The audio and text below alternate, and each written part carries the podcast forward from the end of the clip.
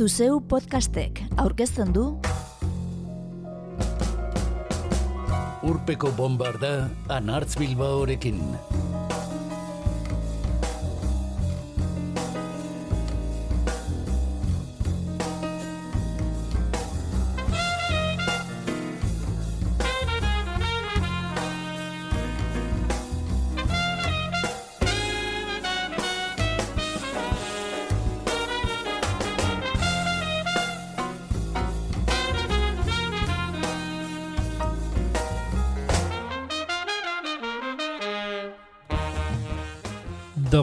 Dr. Feelgood, Britaniar talde bikaineko kide izana da Wilco Johnson. Eta Game of Thrones telesail famatuan borrero mutuaren papera jokatu zuen. Ezin aproposagoa gitarra jotzeko ainera berezia zuen musikariaren zat. Bortitza eta zorrotza. Euskal Herrian makina bat aldiz jo zuen gizonak ilieskorra zirudien gainera. Orain urte gutxi, minbizi gaizto bat gainditu zuen eta.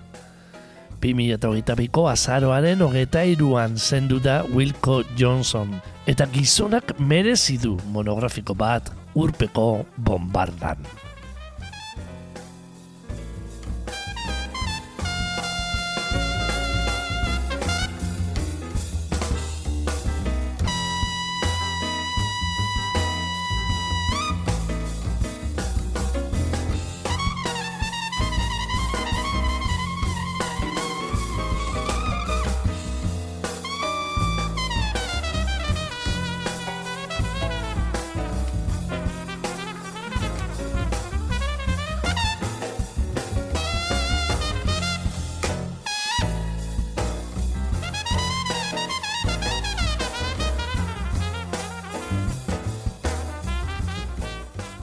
Irurogeita bost urte zituela hilden musikaria, etzen Jeff Beck edo Eric Clapton bezain gitarra jole trebea.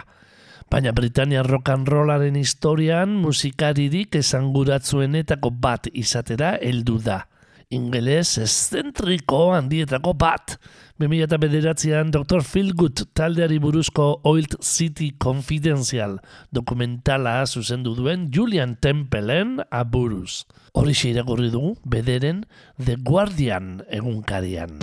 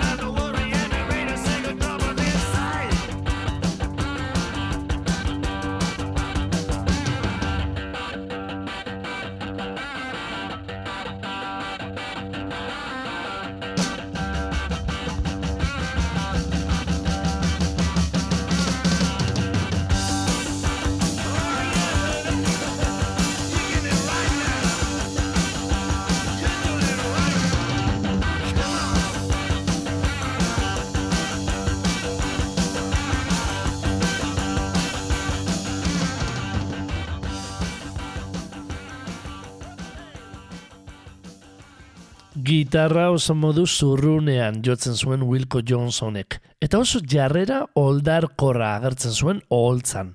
Goitik bera beltzez jantzita eta robot baten antzera abiadura bizian ara eta ona. Edo nor urduri jartzeko moduko ero begiradarekin. Horrela lortu zuen ospea mila bederatzi dut deirurogeita marreko amarkada erdi aldera. Libri Jokes frontmanarekin batera gidatzen zuen Dr. Feelgood Puff Rock talde bikainarekin. Rock progresibo eta glam rocka nagusi zen garaian, Rhythm and Blues bizkorra jotzen zuen Dr. Feelgood taldeak, gerura etorriko zen punkaren aurrekari mila bederatzen dut irurogeita magosteko Down by the Jetty izan zuten debut lana. Eta bertatik entzun dugu She Does It Right singela, Johnsonek idatzia. Urte berean plazaratu zuten bigarren diskoa ere, Malpractice, eta bi geroago, mila bederatzen dut irurogeita mazazpian, Snipping Suspicion irugarrena, zuzeneko bat plazaratu eta gero. Wilco Johnsonek Ez naiz lotzatzen bineska maite izateaz kantatzen zuen, bera kondutako paradise kantuan.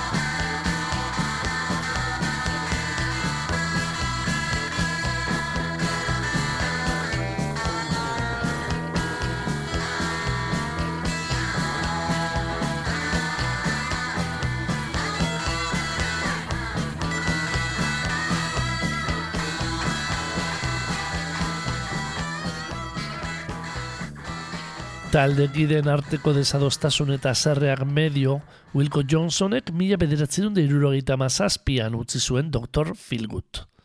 Berak bota egin zutela esan izan du. Eta arrezkero bide luzea egin du bakarka. Bitartean, aurrera egin zuen Dr. Philgood ere agudo bastartu zuen punk musikaren leherketak. Milk and Alcohol kantuarekin oraindik arrakasta izan bazuten ere. Private Practice diskoan plazaratu zuten. Mila bederatzirun deirurogeita mazortzian.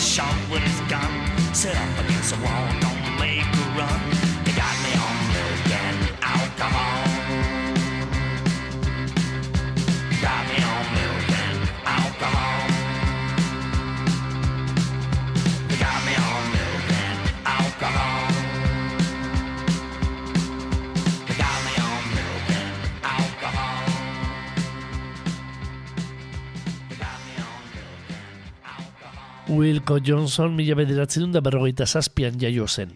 John Wilkinson izenarekin. Ingalaterrako exexen. Musikari bezala, puarik gabe jotzen zuen gitarra. Fender Telecaster iluna. Sokak atzazalekin biskor astinduz. The Shadow telebistan jotzen ikusi ostean hasi izen gitarra jotzen. Irurogiko amarkadan Londresen eratutako surf rock taldea mila bederatzerun da irurogeita mabostean Eurovisionen ere parte hartu zuena. Entzun dieza egun Foot Taper.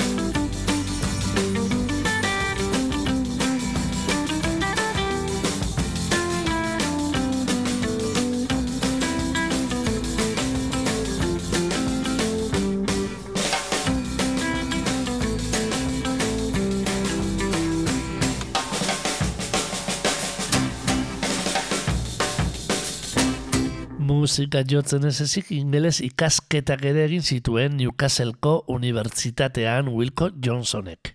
Irakasle ere jardunei zuen gero, tarte labur batez. Poesia idazten hasi eta novelaren bat argitaratzeko asmoa ere agertu izuen. Asmoa bera agertu izana katzera eragiten ziola onartu bazuen ere. Imintzioz eta orpegikera xelebrez jositako elkarrizketak izaten zituen gaztetan ahopaldi literarioz beteak, eta antzinako Islandiera ere ikasi zuen, bere kabuz gainera, zer eta Islandiar zagak irakurri alizateko. Gitarra jotzen telebistan The Shadows ikusi ostean hasi zela esan dugu, baina Wilco Johnson eragin zuena Johnny Kitts and the Pirates taldeko Mike Greenen jotzeko era izan zen.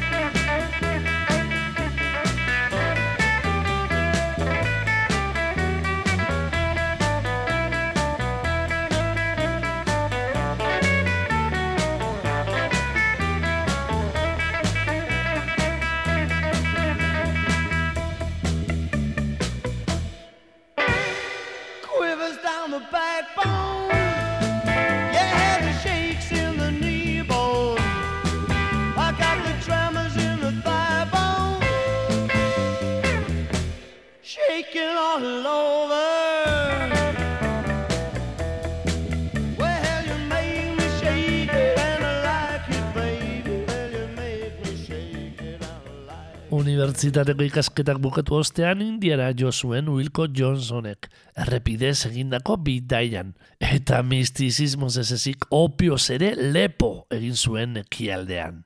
Bueltan, Dr. Phil Good laukotea eratu zuen brillogusekin batera, irrogita markoa markada hasieran. Talde horrexek emango zion ospea, eta gerora izar bilakatuko ziren musikari ugari izango zituen zaleen artean. John Lydon, Joe Stramer edo Paul Weller berbarako. Ondoren, eta bakar kasi baino lehen, Solid Sanders izeneko taldean ere jo izan zuen. Eta hauen Blazing Fountains da aurki entzungo dugun kantua.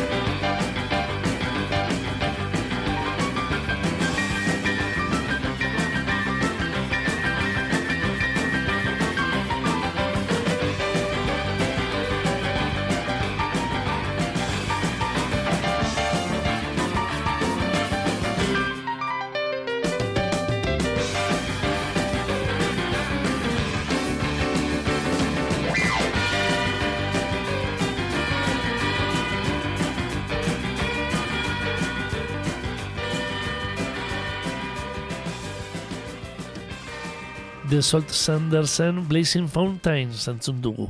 Virgin etxearekin mila bederatzen da mazortzian plazaratu zuten disko homonimotik. Ibilbide laburra izan zuen taldeak. Bi urte geroago aian duriren blog hits taldean gitarra jotzeko proposamenari baietza eman baitzion Wilco Johnsonek. Bakarka hogeita bosturteko ibilbidea osatu eta sortzi lan luze plazaratu baino lehen aian duri lagundu zuen tarte laburrean, honen irugarren diskoan partartu zuen Johnsonek. Mila bederatzen da larogeiko lautar diskoan, baita bertako kanturik entzunena ondu ere. Superman's Big Sista, aian duri berarekin batera. Gainera, Wilco Johnsonek aian duriren bandan ezagutu zuen Norman Joseph Watt-Roy basu jolea. Gerora eta luzarurako lagun bana ezin bihurtuko zitzaiona oholtza gainean.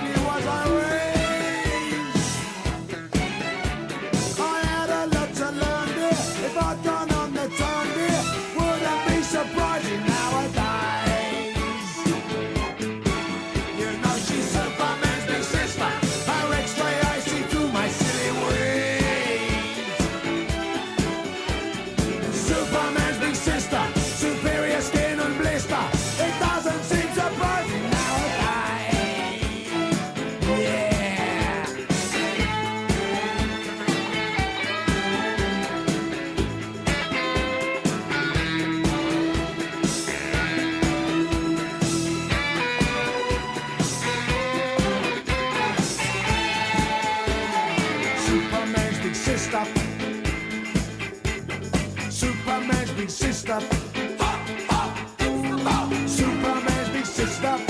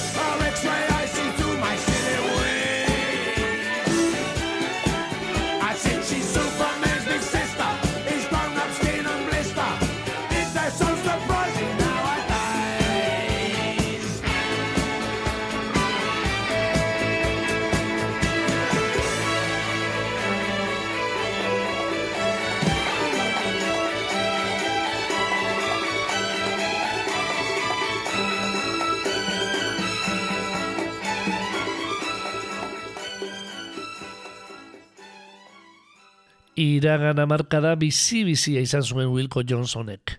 2000 bederatzean Dr. Philgood taldeari buruzko dokumentala plazaratu zuen Julian Tempelek. Arestian aipatu duguna. Gainera, 2008an Looking Back on Me autobiografia plazaratu zuen So Howirekin idatzia.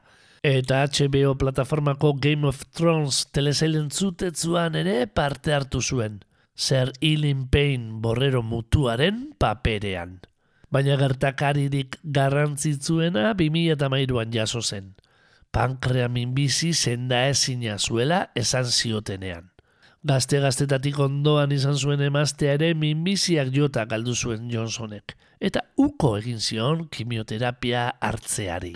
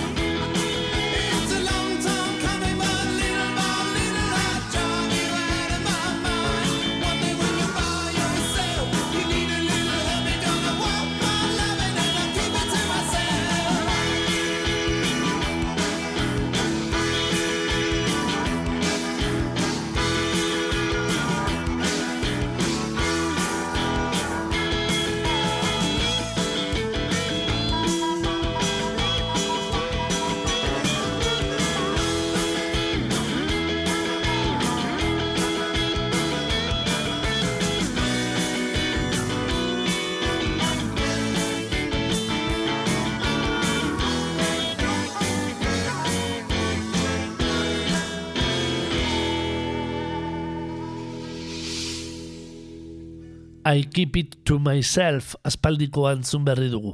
Wilco Johnsonek mila bederatzi dundalaro eta sortziko Barbet Wire Blues diskokoa. Gogoratu entzule, Wilco Zaharra minbiziak jota utzi dugula. Gitarra joleak harrigarriro izkin egin zion eriotzari, eta gauzak horrela 2000 eta malauan lan berri bat ondu zuen. Zer eta The Who taldeko frontman Roger Daltrey handiarekin. Eta Wilco Johnsonen kantu kutxunak biltzen dituen Going Back Home bikaina plazaratu.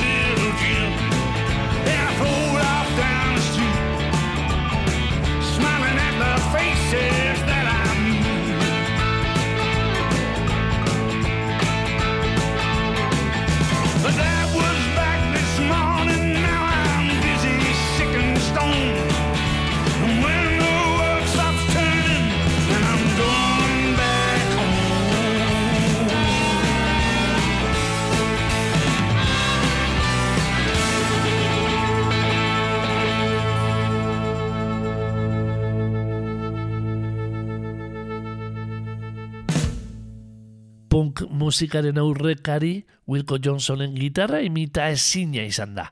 Eta bera musikari estimatua Britanian dian. 2008an The Wave Pictures taldeak Canby Island Baby izeneko epe bat plazaratu zuen. Wilco Johnsonen bost bertzio eta propio berarentzat David Tattersallek idatziriko kantu bat gordetzen zuena. Egitasmoari izena eman eta jarraian entzungo dugun hause. Wilco Johnsonen jaioterria da Canvey Island.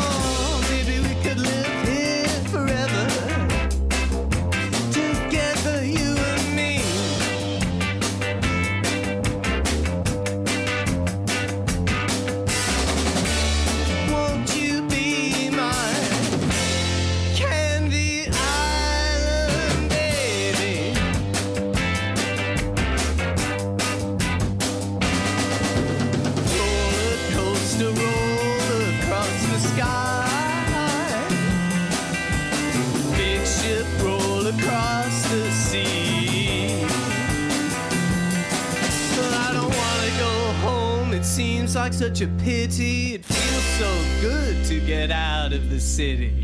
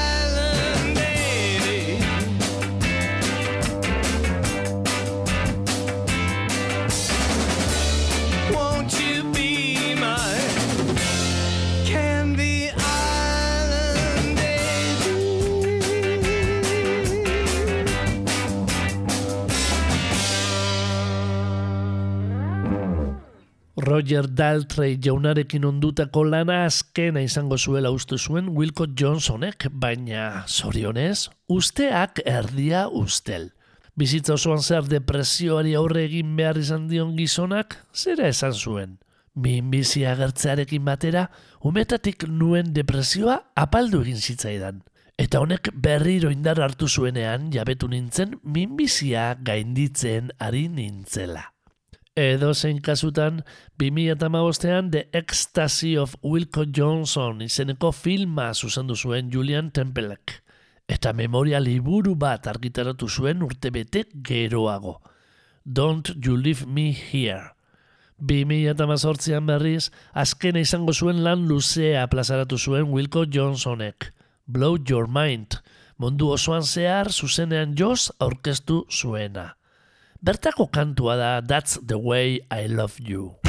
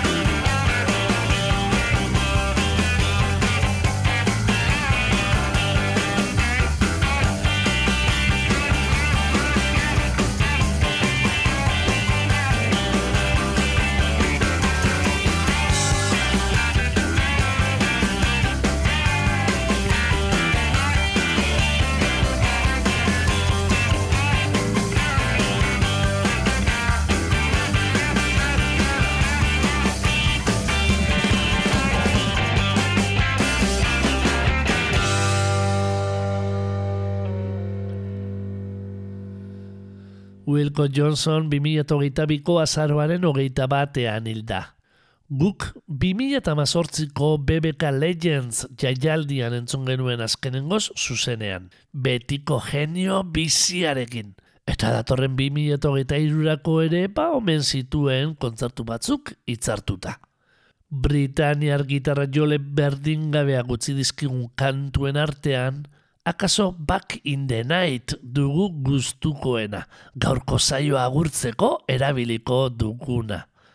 Wilco Johnsoneko ondua, Dr. Philgooden bigarren lan luzean plazaratu zuten, Malpractice, baita mila bederatzerun da irurogeita amabosteko single batean ere. B aldean Bo Diddley erraldoiaren I'm a Man kantuaren berrirakurketa zuela.